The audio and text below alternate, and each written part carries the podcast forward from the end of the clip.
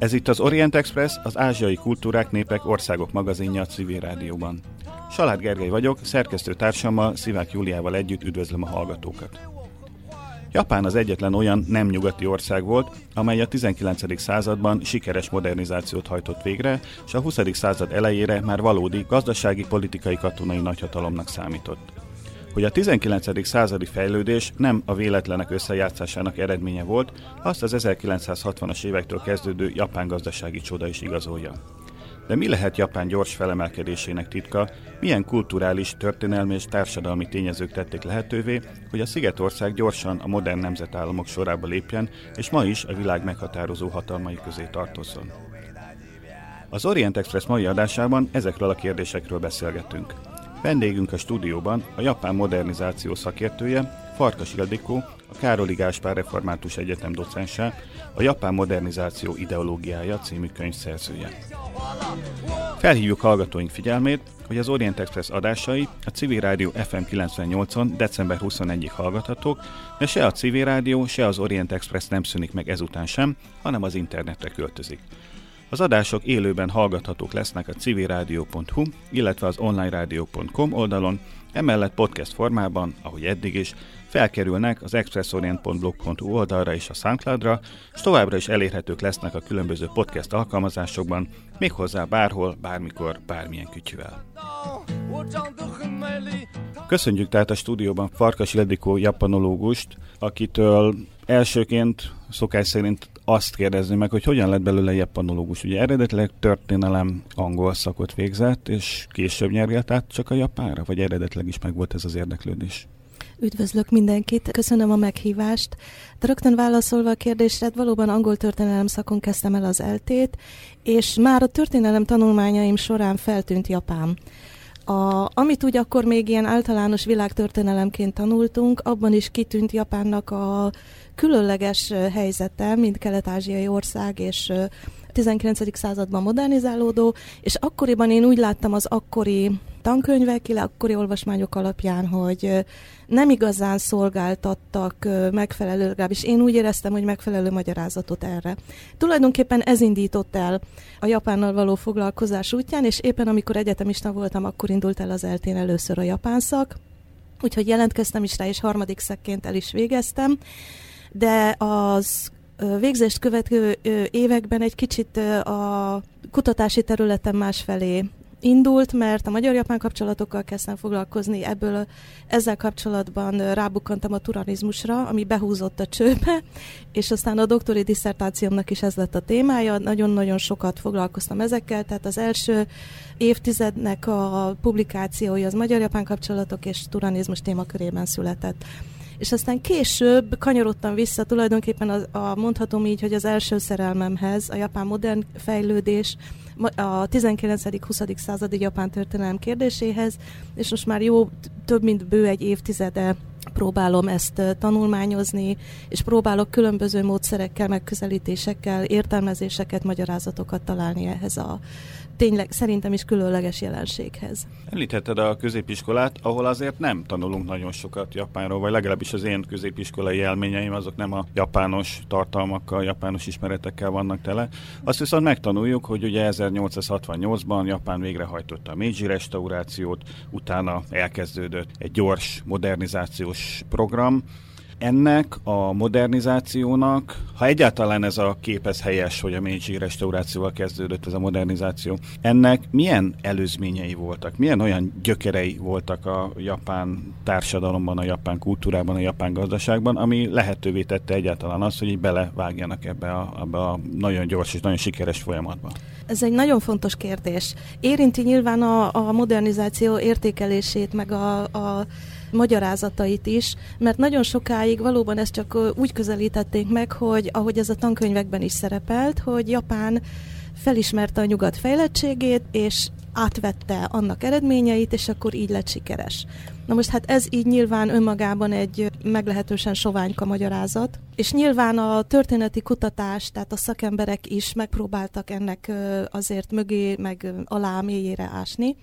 Óriási viták kövezik ennek a modernizációnak az értékelését, magyarázatait, de most már talán eljutottunk oda néhány évtizede, hogy az újabb szakmunkák ezt hangsúlyozzák. Tehát, hogy Japánban a modernizációnak megvoltak az alapjai, megvoltak a megelőző fejlődési eredményei, aminek alapján tulajdonképpen van olyan elmélet is, ami azt mondja, hogy tulajdonképpen Japán önmagától is modernizálódni tudott volna, csak nyilván lassabban. Tehát a nyugati behatolás a 19. század közepén ezt a fejlődést, mint egy katalizátorként meggyorsította, illetve a hatalomváltást is elősegítette. De maga az előzményei azok megvoltak. Talán ez az, ami egy óriási különbség Japán és mondjuk talán más a környező területekhez képest látható jelentős különbség, hogy már az 1600-tól 1868-ig tartó korszakot, az Edo korszak, vagy Tokugawa korszak néven is ismerjük, vagy emlegetik.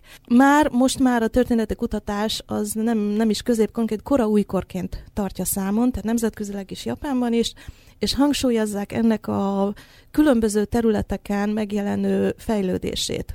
A különböző ö, szemléletek megpróbálják minél több szeletét feltárni ennek, tehát például van külön már gazdaságtörténeti elemzés, amely ezt mutatja be, hogy egy úgynevezett protoindustrializáció zajlik le már a 17. de inkább a 18. században Japánon belül, pénzgazdálkodás fejlődésével, belső kereskedelem, árutermelésre termelő vidéki népesség, az agrárnépesség vagyoni rétegződése, urbanizáció, pénzgazdálkodás, tehát olyan fejlett pénzügyi viszonyokkal rendelkeztek már ekkor Japánban, ami tulajdonképpen úgynevezett preindustriális társadalmak esetében nem nagyon szokott előfordulni.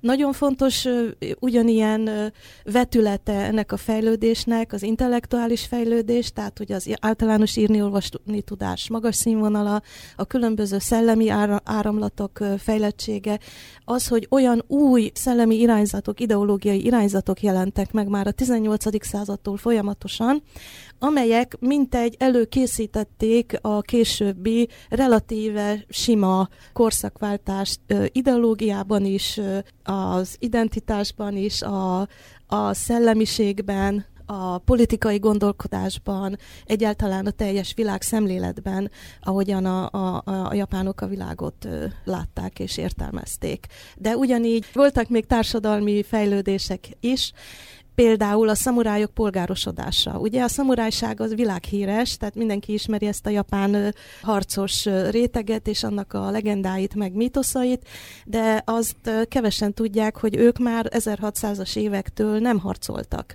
Tehát gyakorlatilag egy, mondhatjuk hogy egy cival... a szamurájok? Hát mondjuk így inkább, hogy elpolgárosodtak, tehát részben civil hivatalnokokká váltak, részben városlakókká, akik hát valóban tehát élvezték a városi élet nyújtotta populáris kultúra előnyeit és hát örömeit. De ez, ez is hozzájárult ahhoz, hogy tulajdonképpen a, a korszakváltásban a szamurájság Ugyan a korszakváltás a megyben a szamurájság, a szamurájra réteg vezetésével zajlott le szintén, de ebben a reform folyamatban, ami az átalakulást követte, a saját harcos rétegüket is megszüntették. Tehát, hogy ennek. Azon kívül pedig ugye például a városi populáris kultúra, mint tömegkultúra megjelenése is, tulajdonképpen már egy ilyen modernebb jelenségnek tekinthető, amennyiben ugye a kultúra fogyasztói rétege is, jó, hát nyilván nem az, or- az ország teljes népességére terjed ki, de azért jóval jelentősen túlment az úgynevezett politikai elit rétegén. Szeretnék még egy kicsit visszatérni arra, amiről az előbb beszéltetek, hogy középiskolában úgy tanuljuk gyakorlatilag, hogy akkor Japán kontaktusba került az európai kultúrával, látta az európai fejlettséget, és akkor rájöttek, hogy ők is akarják ezt. Ez azért egy eléggé eurocentrikus felfogás, amit mi a középiskolában tanulunk, ennek mennyi a valóságtartalma? A japánok ezt itt tényleg így gondolták, hogy ó, mi is szeretnénk olyanok lenni, mint az európaiak, vagy ez egy sokkal komplexebb folyamat? Nagyon érdekes kérdés, köszönöm. Több vetülete van ennek is, természetesen. Az egyik az, hogy amikor a 19. század közepén Japán kapcsolatba kert a nyugatiakkal, akkor ez teljesen, hogy úgy mondjam, egy teljesen világméretűleg elfogadott tézis volt, hogy már pedig az európai fejlődés a fejlődés. A gyarmatosítók ugye a civilizáció terjesztésével ideologizálták tevékenységüket, és hát akkoriban még ugye a, a gyarmatosított népeknek sem volt meg az, a, az az ideológiája, ami a később kifejlődött, kialakult, amely ezzel szembe tudott volna bármit is felmutatni. Tehát az mondjuk akkor mondhatjuk, hogy egy ilyen elfogadott tézis volt, hogy a, a nyugat, mint fejlettebb, felsőbbrendűbb civilizáció terjeszti a saját rendszerét. A másik kérdés, hogy Japán ehhez hogyan viszonyult. Éppen a, a mostanában olvastam egy nagyon új japán könyvet, két éve jelent meg japánul, Karuba Tadashinek egy munkája, aki szintén ehhez a vitához kíván kapcsolódni, tehát hogy a japán modernizáció sikerességének a, az okait, ennek az összetevőit vizsgálja ő is, és ő azt a tézist helyezi könyvének a középpontjába, hogy Japánban mindig is létezett egy úgynevezett általános civilizáció felfogása, a nagybetűs civilizáció, tehát nem a Huntingtoni értelemben vett, ugye többféle civilizációk rendszeréről beszélünk, hanem a civilizáció, ugye az emberiségnek egy, van egy ilyen ideája, amely a feljettebb társadalmi rend elérését ö, célozza. Japánban furcsa módon ez tulajdonképpen már az ókortól megvolt. Tehát Japán mondjuk, mint Szigetország periféria területnek is számított, a kínai civilizáció mellett helyezkedett el évszázadokig, vagy akár mondhatjuk, hogy évezredig, és az ő tapasztalatában Kína volt a civilizációs központ, tehát amikor Kínát gondolta a fejlettebb civilizációnak, akkor annak az a rendszerét próbálta meg átvenni. Ezek az átvételek azonban mindig úgy zajlottak le, hogy az átvételeket ciklikusan az elzárkózások időszakai követték, amelyeknek a keretében Japán ezeket az átvételeket addig gyűrte, gyömöszölte, maga képére formálta, amíg teljesen eljapánosította, és már nem is hasonlítottak az eredetire.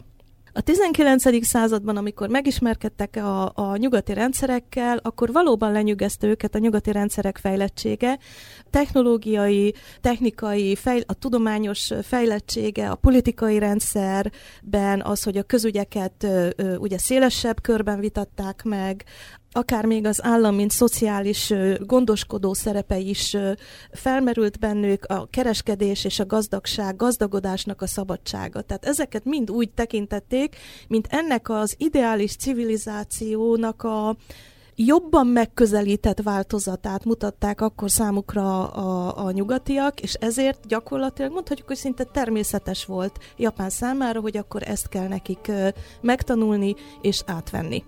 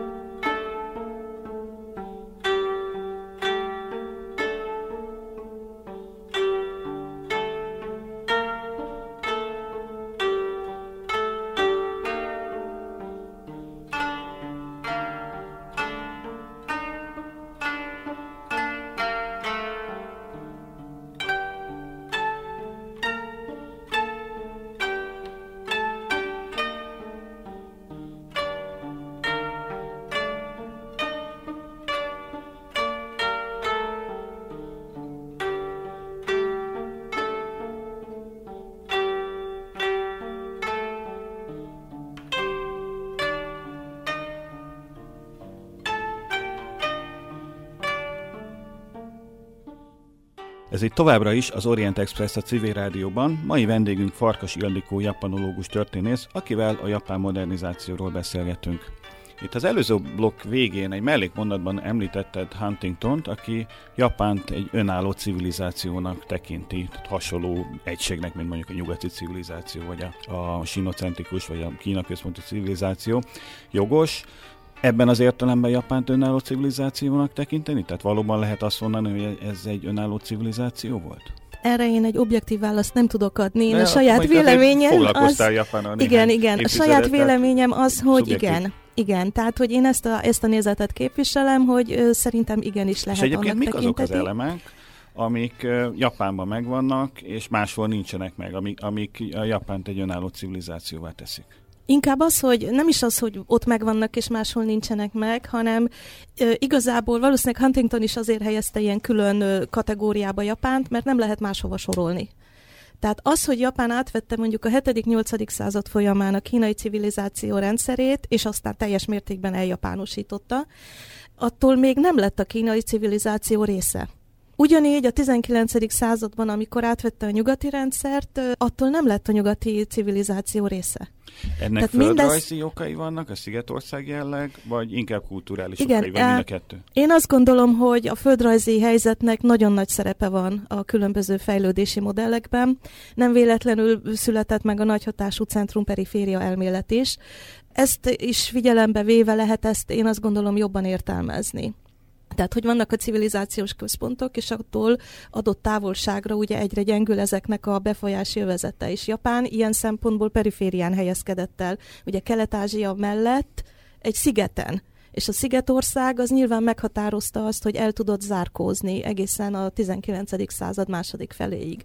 Tehát nem háborgatta Japánt senki, kivéve ugye amikor a mongolok megtámadták, de nekik sem sikerült. Tehát 1945-ig Japánban nem volt idegen katonaság ezt a mértékű elzárkózást nem is tudom, hogy más terület az, az meg tudta-e valamilyen szinten valósítani. Japánban ez sikerült, és ez szerintem elég erőteljesen összefügg például a homogenitással, a, az identitás kialakulásával és mondjuk így fejlettségével és egy, ennek az önálló fejlődési modellnek a, a létrejöttével. Olyan fejlődési hát mondhatjuk modellt mutat Japán, amivel nem lehet besorolni ugye az, az ázsiai fejlődésbe. Tehát a középkori fejlődésében Japán olyan feudalizmust mutat, amit a világon sehol másik ö, ö, térség nem tudott felmutatni, és az európai feudalizmushoz hasonlítható.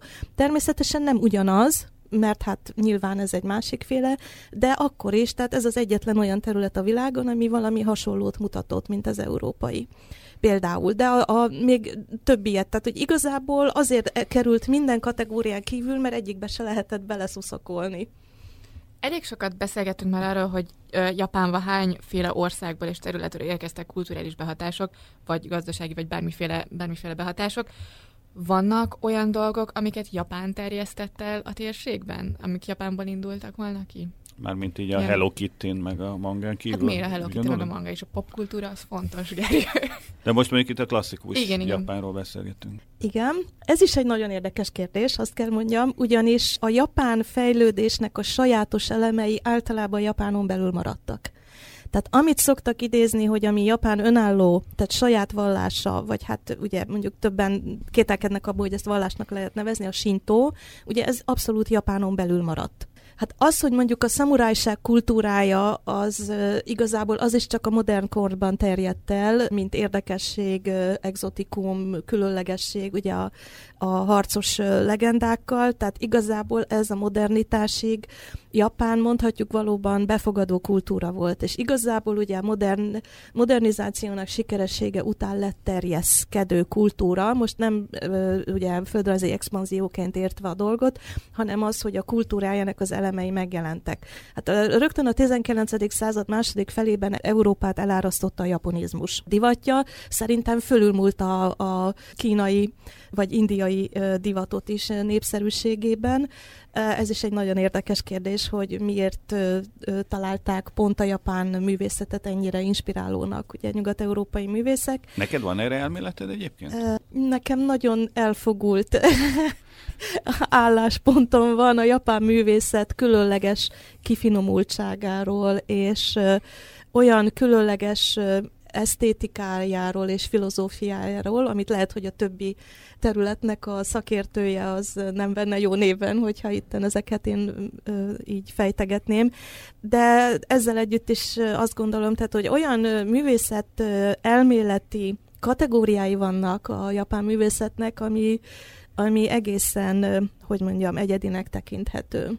És ha valaki erre ráérez, akkor én azt gondolom, hogy menthetetlenül beleszeret a japán művészetbe. És aztán ugye a modernitásba pedig jöttek a továbbiak, tehát a 60-as évektől egyértelműen a japán gazdasági sikerekkel pedig jött ugye a japán kultúrának a terjeszkedése, és a, hát a soft power Szerintem ez is, ez is Ázsia térségében nekik volt elsőként sikeres. Tehát jól értem, hogy a japán kultúra terjesztéséhez és népszerűsítéséhez szükség volt erre a gazdasági sikerre? Tehát, hogy ez egy olyan kulcseleme lehetett ennek? Mitől lett egyszer csak vonzó a japán kultúra annyira sok ember számára?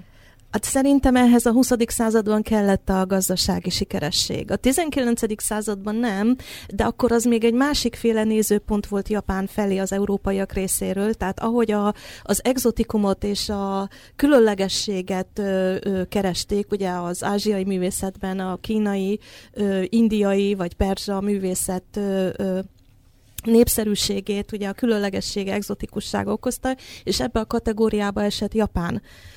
A 20. század elejére kezd majd Japán imidzse képe megváltozni nyugaton. Tehát amikor már nem egy nem a Kína-India kategóriával van egy szinten, tehát nem egy érdekes, de hát elmaradott ázsiai országról van szó, hanem egy emelkedő, nagyhatalmi státuszba emelkedő, modernizáló országról, és akkor már, akkor már nem annyira, hogy is mondjam, nem volt annyira népszerű és vonzó a japán művészet, hanem inkább Japánt kezdték, mint riválist tekinteni a nagyhatalmi, mondjuk ilyen osztozkodás asztalánál.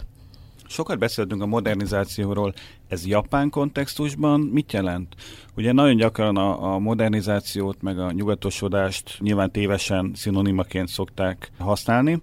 Japán esetében nyilvánvalóan ez téves, de mégis mit jelent Japánban a modernizációnak a folyamata? Tehát hogy nézett ki Japán még az Edo-korban, és hogy nézett ki mondjuk az Edo-kor után 40 évvel? Az Edo-korban nyilván nem beszéltek még modernizációról, tehát akkor egyszerűen csak a folyamatok zajlottak a maguk útján. A Meiji korban pedig a, a rendszerváltás vagy hatalomváltást megideologizáló törekvésekben nagyon erősen jelent meg egyrészt az, amiről az előbb is beszéltem, tehát, hogy egy fejlettebb társadalmat, egy fejlettebb országot kell építeni, de ugyanakkor nem fogadták el teljes mértékben azt, hogy a nyugat valóban megvalósította ezt a fejlettebb világot, csak bizonyos, tehát nem azonosították a nyugatot azzal az ideális társadalommal, amit ők elképzeltek, de bizonyos elemekben úgy tűnt, hogy a nyugat előrébb tart. És ezeket az elemeket vették át, ezekről gondolták ezt, hogy számukra is, ugyanakkor nem gondolták azt, hogy a nyugat minden területén látható elemeit át kellene venni. Tehát pont Japán volt az, ami szerintem elsőként tudta megvalósítani azt, hogy modernizálódni tudott, de a teljes nyugatosítás nélkül. Ugye a modernizációval a hagyományos, vagy hát a saját kulturális elemek kerültek, vagy kerülnek modern keretekbe. A nyugatosítással ugye a saját kulturális elemeket elhagyják, és a tartalom is ö, nyugati lesz. Ez az, ami tulajdonképpen Japánban nem következett be, és itt ki kell térjek ugye az én kedvenc témámra, tehát ugye a, saját kulturális identitás erejére, ami már valóban az Edo korban kifejlődött, és ez volt az óriási előnye Japánnak, hogy nem a nyugati behatás után kezdett el mondjuk identitást építeni, nyugati mintára, mondjuk a, a nyugati nemzettudatok vagy nacionalizmusok mintájára. Nyilván az edókorban a nyugati nacionalizmusok mintájára építettek ki ők is ugye egy modern japán nemzettudatot, de ez teljes mértékben a japán saját kulturális identitáson alapult, aminek, ami ugye az edókor fejlődésének a következménye volt és megfogalmazása. 上を向いて 涙がこぼれないように思い出す春の日一人ぼっちの夜上を向いて歩こう滲んだ星をえて思い出す夏の日ひとりぼっちの夜。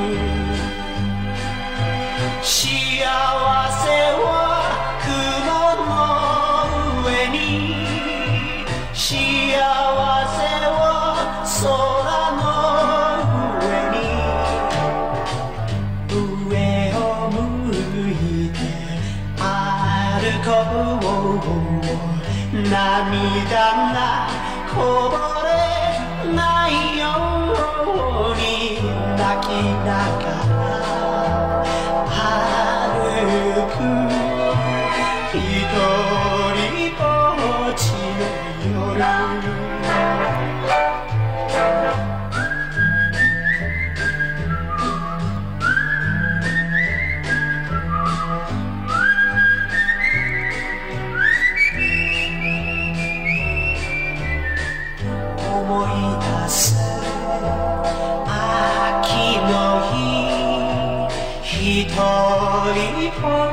っちの夜悲しみは星の影に悲しみは月の影に上を向いて歩こう涙がこぼれ泣きながら歩く。一人ぼっちの夜。一人ぼっちの夜。Ez itt továbbra is az Orient Express a civil rádióban. Mai vendégünk Farkas Iladikó, a Károli Gáspár Református Egyetem docense, japanológus történész, akivel a japán modernizációról beszélgettünk.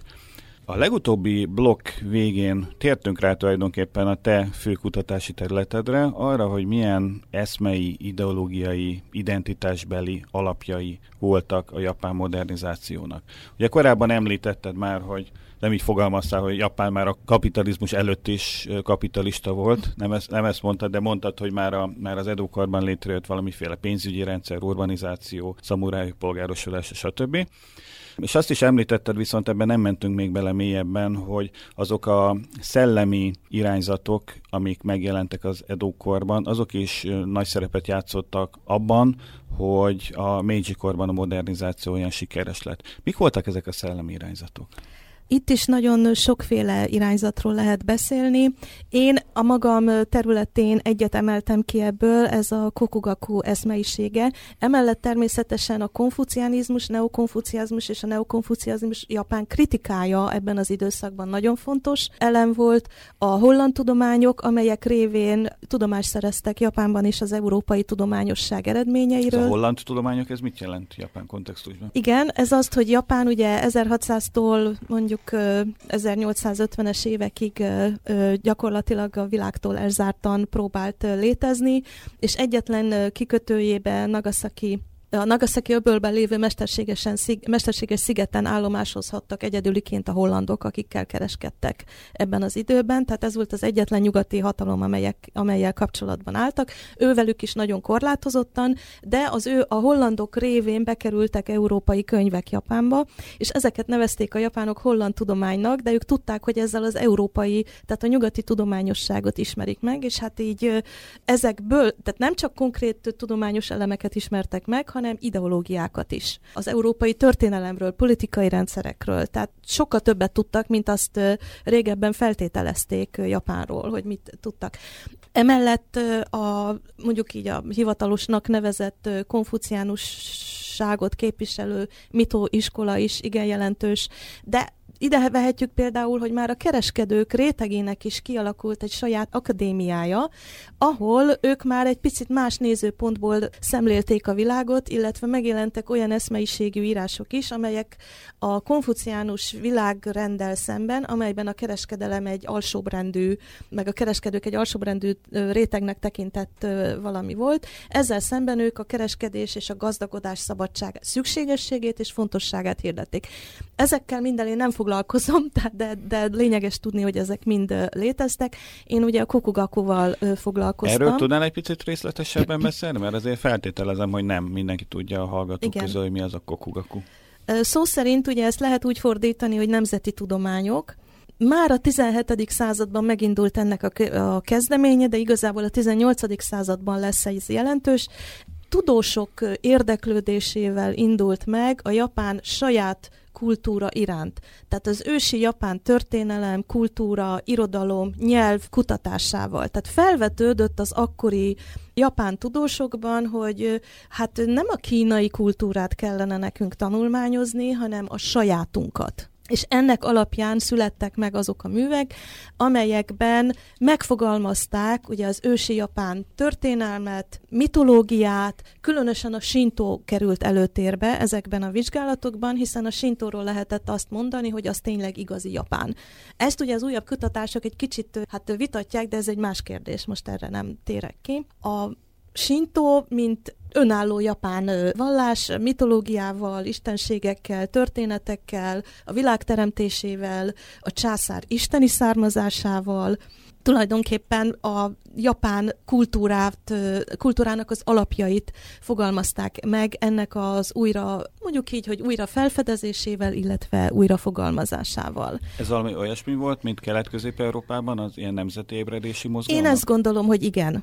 Igen, én azt gondolom, hogy igen, és pontosan ezzel próbáltam, ezt próbáltam így a különböző, akár még a szövegek összehasonlításával is bizonyítani. Ráadásul ugye ennek a, a kelet-közép-európai mozgalmaknak már megszületett egy tipológiája, ugye Miroslav Ropcse politológus történész munkája, aki ezt ilyen három szintben határozta meg ezeknek a mozgalmaknak a fejlődését. Az első, mint tudományos szint, a más, ahol a tudósok foglalkoznak el ezekkel a témákkal, a második a kulturális szint, ahol a, ezek a különböző iskolák, illetve kiadványok révén terjednek, és szélesebb körben is ismertek lesznek, népesség körében, középrétegek körében is, és a harmadik pedig a politikai szint, amikor ezekhez már politikai mozgalmak kapcsolódnak. És én úgy látom, az én véleményem szerint a kokugaku ebbe a felosztásba belehelyezhető. Tehát van egy tudósi, tehát megvannak azok a kokugaku tudósok, akik meghatározták a nagyon fontos lényegi mondani valóját ezeknek a... Ennek Meghatározták, a... vagy megkonstruálták? Hát, igen. Részben meghatározták, és részben megkonstruálták valóban. De ez egy olyan konstrukció volt, ami szerintem nagyon fontos, hogy azt lehetett vele mutatni, hogy ilyen volt az ősi Japán. És amikor a Meiji restauráció, hát maga a restauráció, ahogy ezt a Meiji vezetők, ugye az egész hatalomváltást bejelentő szamuráj csoport, egy szűk körű csoport ezt bemutatta, az arra épült, hogy vissza kell állítani azt, ahogyan Japán régen a császári hatalom alatt működött, mert az volt a természetes állapota a japán népnek, ugye az isteni eredetű császár uralma alatt egységesen a teljes népesség. És ez egy nagyon érdekes dolog, mert egyrészt ezzel egy modern államot teremtettek meg, Ugyanakkor a hivatkozási alap az tulajdonképpen az ősi Japánnak a helyreállítása volt, és ezért nevezték ugye restaurációnak, ugye ez a Meiji Ishin ez ezt jelentette. Tehát igen, konstrukció volt, de gyakorlatilag teljes mértékben tartalmazta valóban a japán hagyományokat, és azoknak a mondjuk ilyen modernizált formáját, ami teljes mértékben a népesség számára elfogadható volt, hogy ez a japán ősi kultúrát eleveníti fel. De ez azért volt elfogadható a népesség számára, mert megvolt ez a középső szint, hogy a népesség körében már terjedtek ezek az ideológiák, mielőtt konkrétan a restaurációra sor került volna? Igen, igen, igen, ezeknek a, a tudósoknak elég komoly iskoláik voltak, ugye tanítványaik több százan, és a, az edókori japán fejlett könyvkiadásnak köszönhetően ezek több ezres, vagy akár tízezres példányban is megjelentek. Azon kívül nem csak ugye könyvkiadók voltak uh, rengetegen, tehát a 1900-as évek elején Edőban több mint 900 könyvkiadó volt tehát ez ilyen, ezek ilyen, ilyen szintű, hanem kölcsönkönyvtárak is léteztek, sőt, vidéket járó mozgó könyvtáros, könyvárosok és kölcsönkönyvtárak is léteztek,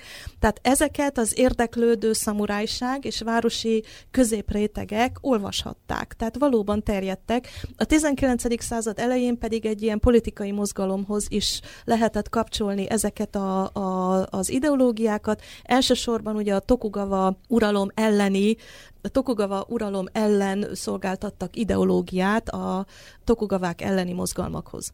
Tehát lehet azt mondani, hogy a japán nemzet már akkor kész volt, akkor megvolt, amikor a modern nemzet fogalom egyáltalán kívülről megjelent Japánban? Hát a nemzet szóval ugye annyiban lennék óvatos, hogy ezt bizonyos, hát elég erőteljes vélemények ezt kifejezetten a modernitáshoz kötik, és azt mondják, hogy nemzet modernitás előtt nem lehetett.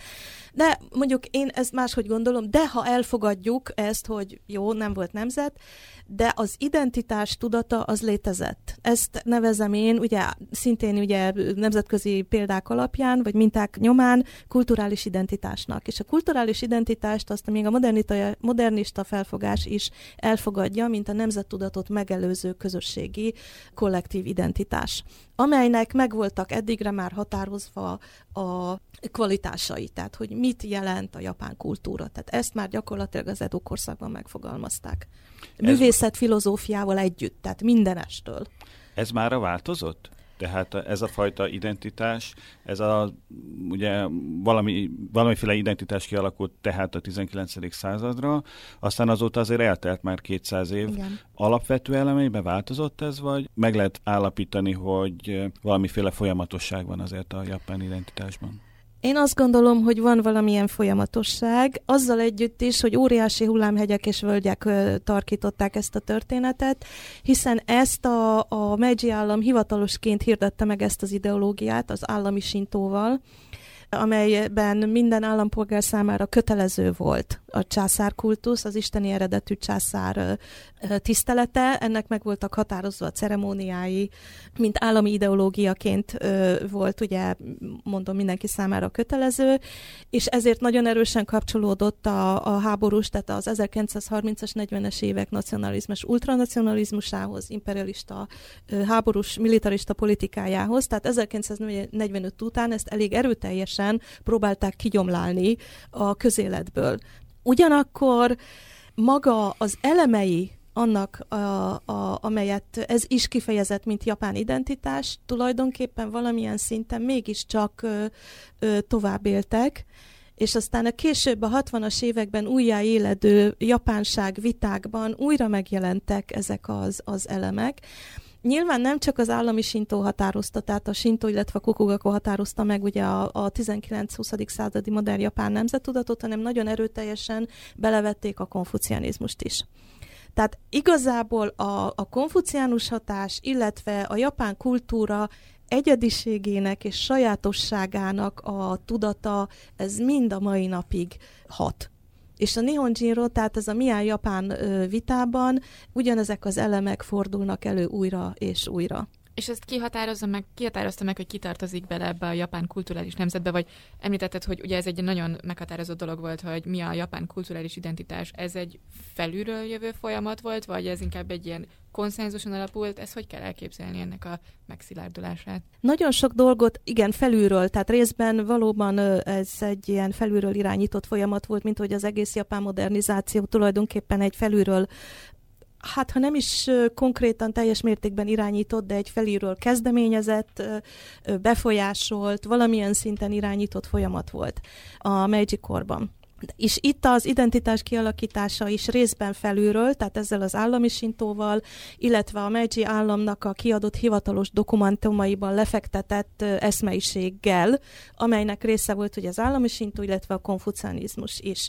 Ugyanakkor ezek olyan elemek voltak, amelyekkel a népesség teljes mértékben azonosulni tudott, éppen azért, mert részei voltak a régi japán életnek is, tehát ebbe olyan elemeket is bevettek például a bushido, ugye, ami a szamurájságnak a az eszmeiségét tömörítette, vagy a családrendszer, ugye a japán családrendszernek az ie továbbélését mutatta, ami megint csak egy természetes közege volt a japán népességnek, hogy persze, ők ebben a családrendszerben élnek, ezen nem volt semmi újdonság. Tehát ennek az egész identitásnak én azt gondolom az volt az óriási ereje, hogy létező elemeket emelt bele a, a, ebbe a mondjuk így megkonstruált egységbe.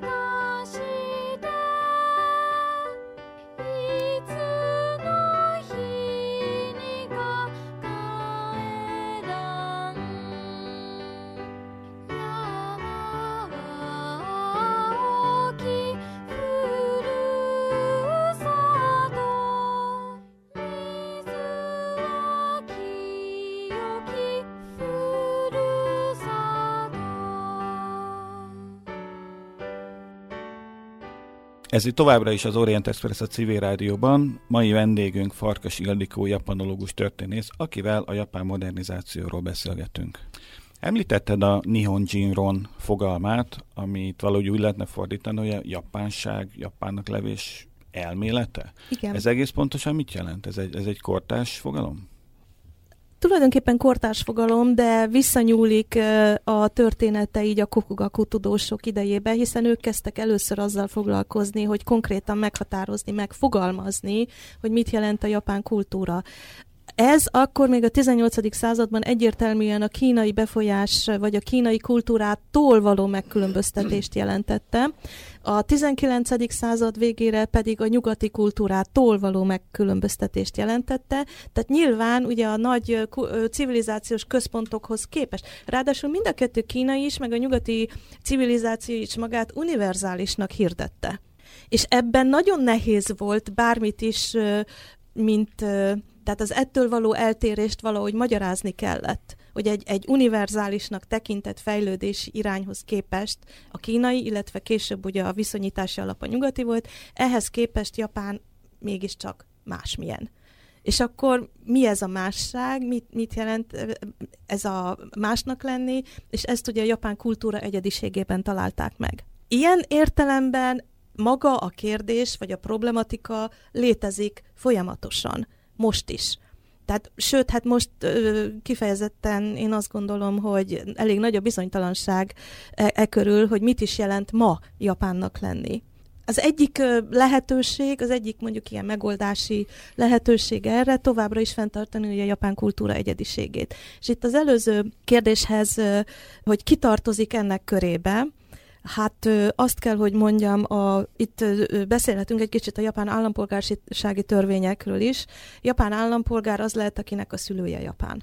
valamelyik. Ezt hogy definiálják? Tehát például milyen a jogi identitás, meg milyen a, a, a maguknak az embereknek az identitás? Etnikai alapú, nyelvi alapú, kulturális alapú, vagy területi alapú? Azt mondhatom, hogy mindez így együtt. Tehát a, annyiban nem területi alapú, tehát hogy a japán szülőktől ö, született gyermek, tehát legalább egy japán szülővel rendelkező gyermek bárhol a világon születik, az japánnak minősül. Állampolgárságilag? Állampolgárságilag, igen, igen. De igazából a Japánban felnőtt, japán nyelvet beszélő, a japán kultúrában és társadalomban szocializálódott személyek azok, akiket mondjuk a, az átlag nézet Japánnak tekint. Ez a homogenitás, ez fenntartható egyébként? Ugye Ez egy Japán a világ egyik leg, leg, kérdés, ez. Ez Japánban is egy óriási téma manapság. Nagyon sokan gondolják úgy, hogy nem, nem tartható fenn. Japán most már nem egyszerűen előrekszik, hanem konkrétan abszolút értékben csökken a népessége. Most már milliókban a, a csúcshoz képest, ami nem én, 10-15 évvel ezelőtt még 127 millió volt, most már csak 124 millióan vannak. Óriási problémákkal néz szembe az ország, tehát itt felmerült az a kérdés, hogy hát valóban ez a homogenitás ez nem tartható fenn a továbbiakban, de azért, azért úgy tűnik, hogy ezt még úgy tehát, hogy is mondjam, lehet, hogy öntudatlanul, de kicsit ragaszkodnak hozzá ehhez az eszmei székhez. Ez a japán homogenitás, ez miben nyilvánul meg? Elsősorban valóban a kultúra egységességét jelenti. Tehát a japánokban nagyon erős, az átlagemberben is az a mai meg, máig is az a meggyőződés, hogy a japán kultúra nagyon egyedi. Mondjuk ennyiben van igazság, ugye, hogy hát külön civilizációként kezeli őket a szakirodalom is, valamint a japán nyelv rokonságának a kérdése is eléggé kér, ö, problematikus, nem nagyon van közeli rokona, legalábbis számon tartott a japán nyelvnek. A japán nyelv őstörténete is az nagyon problematikus, tehát teljes mértékben gondolhatják azt, hogy ők egy ilyen nagyon egyedülvalók, egy ilyen nagyon különleges valamik, tehát egy ilyen egyedi a, a, a kultúra egységessége pedig megadja a homogenitásnak a, az érzetét, még akkor is, hogyha nagyon nagy regionális és lokális különbségek vannak ezen a japán kultúrán belül, de mégis az japán. És a japán nyelvnek nagyon sok olyan jellegzetessége van, például ugye az udvariassági nyelv, ami ugye különböző társadalmi státusztól, pozíciótól, helyzettől függ, beszélőknek a, az egymáshoz való viszonyától, amelyet persze meg lehet tanulni, de igazából az, aki nem Japánban él mondjuk huzamosabb ideig, az annak ez mérhetetlen nehézséget jelent, hogy, hogy ugye felmérje egy szempillantással, mire a japánok képesek, hogy akkor most ebben a, ebben a kommunikációban ki hol helyezkedik el. Tehát a japán kommunikáció, lehet a japán nyelvet nyilván kiváló szinten megtanulni, beszélni, meg is érteti magát a külföldi, de az a kommunikációs háló, ami a japánok között van, abba ő nem fog tudni bekerülni. A japánoknak, a japán nyelvnek egy jellegzetessége, pontosabban a kommunikációnak az egyik jellegzetessége az elhallgatás művészete. Tehát, hogy a, amit nem mondanak ki, de tudják. Ugye hát ezt egy külföldi, bármennyire is ismeri ugye a japán kultúrát, ezt nagyon nehezen veszi ezt az adást, hogy amit most nem mondanak ki, az hogy, az, az mit is jelent. Neked ez megy egyébként? Nem, dehogy, nem. Afelől ugye nincs vita, hogy a japán kultúra és a japán fejlődési út az nagyon egyedi, de vannak olyan tanulságok, amiket levontak, vagy levonhattak volna, vagy le kellett volna vonniuk mondjuk a környező kelet-ázsiai vagy dél-kelet-ázsiai államoknak a japán fejlődésből? Én azt gondolom, hogy le is vonták. Még tehát most lehet, hogy nem leszek teljesen politikailag korrekt megfogalmazással Az itt nem élő, elvárás. de én azt gondolom, hogy azok a területek is, amelyek ezt nem vallják be, is tanultak a Japán például. Most konkrétan Dél-Koreára gondolok, tehát soha nem fogja bevallani, hogy Japánt esetleg mondjuk valamilyen szinten mintának vette. Bár ugye azt tudjuk, hogy, hogy Park Chung-hee tábornok a japán hadseregnek volt a katonatisztje, és, és igen, nagyon nagy, ö, nagyra értékelte a japán ö, modernizációs ö, törekvéseket és sikereket. De például Taiwan fejlődése, ugye ő is, hát Taiwan ő talán nem is tagadja annyira, hogy nagyon kifejezetten sokat köszönhet ugye a japán gyarmati létnek, Igen, egy kicsit paradoxon. nem, nem okoz problémát. Nem, nem. Tehát, hogy a japán oktatási rendszer, infrastruktúra, iparosítás az kifejezetten. De inkább itt olyan elemekre gondolok, amit most már én azt gondolom, hogy elfogadott kifejezés az ázsiai kapitalizmus jellegzetességeiről beszélni, amelyet én azt gondolom, hogy először Japán kezdett el. Tehát, hogy azok, a, amiket, tehát, hogy Japán képes volt nyugati típusú modernitást megvalósítani egy más kulturális háttérrel és egy más kulturális, mondjuk így világgal. Tehát, hogy miközben a, a, a modernitásnak az összes fontos kellékét bemutatta, felvonultatta, eközben ugye a kulturális identitását megőrizte.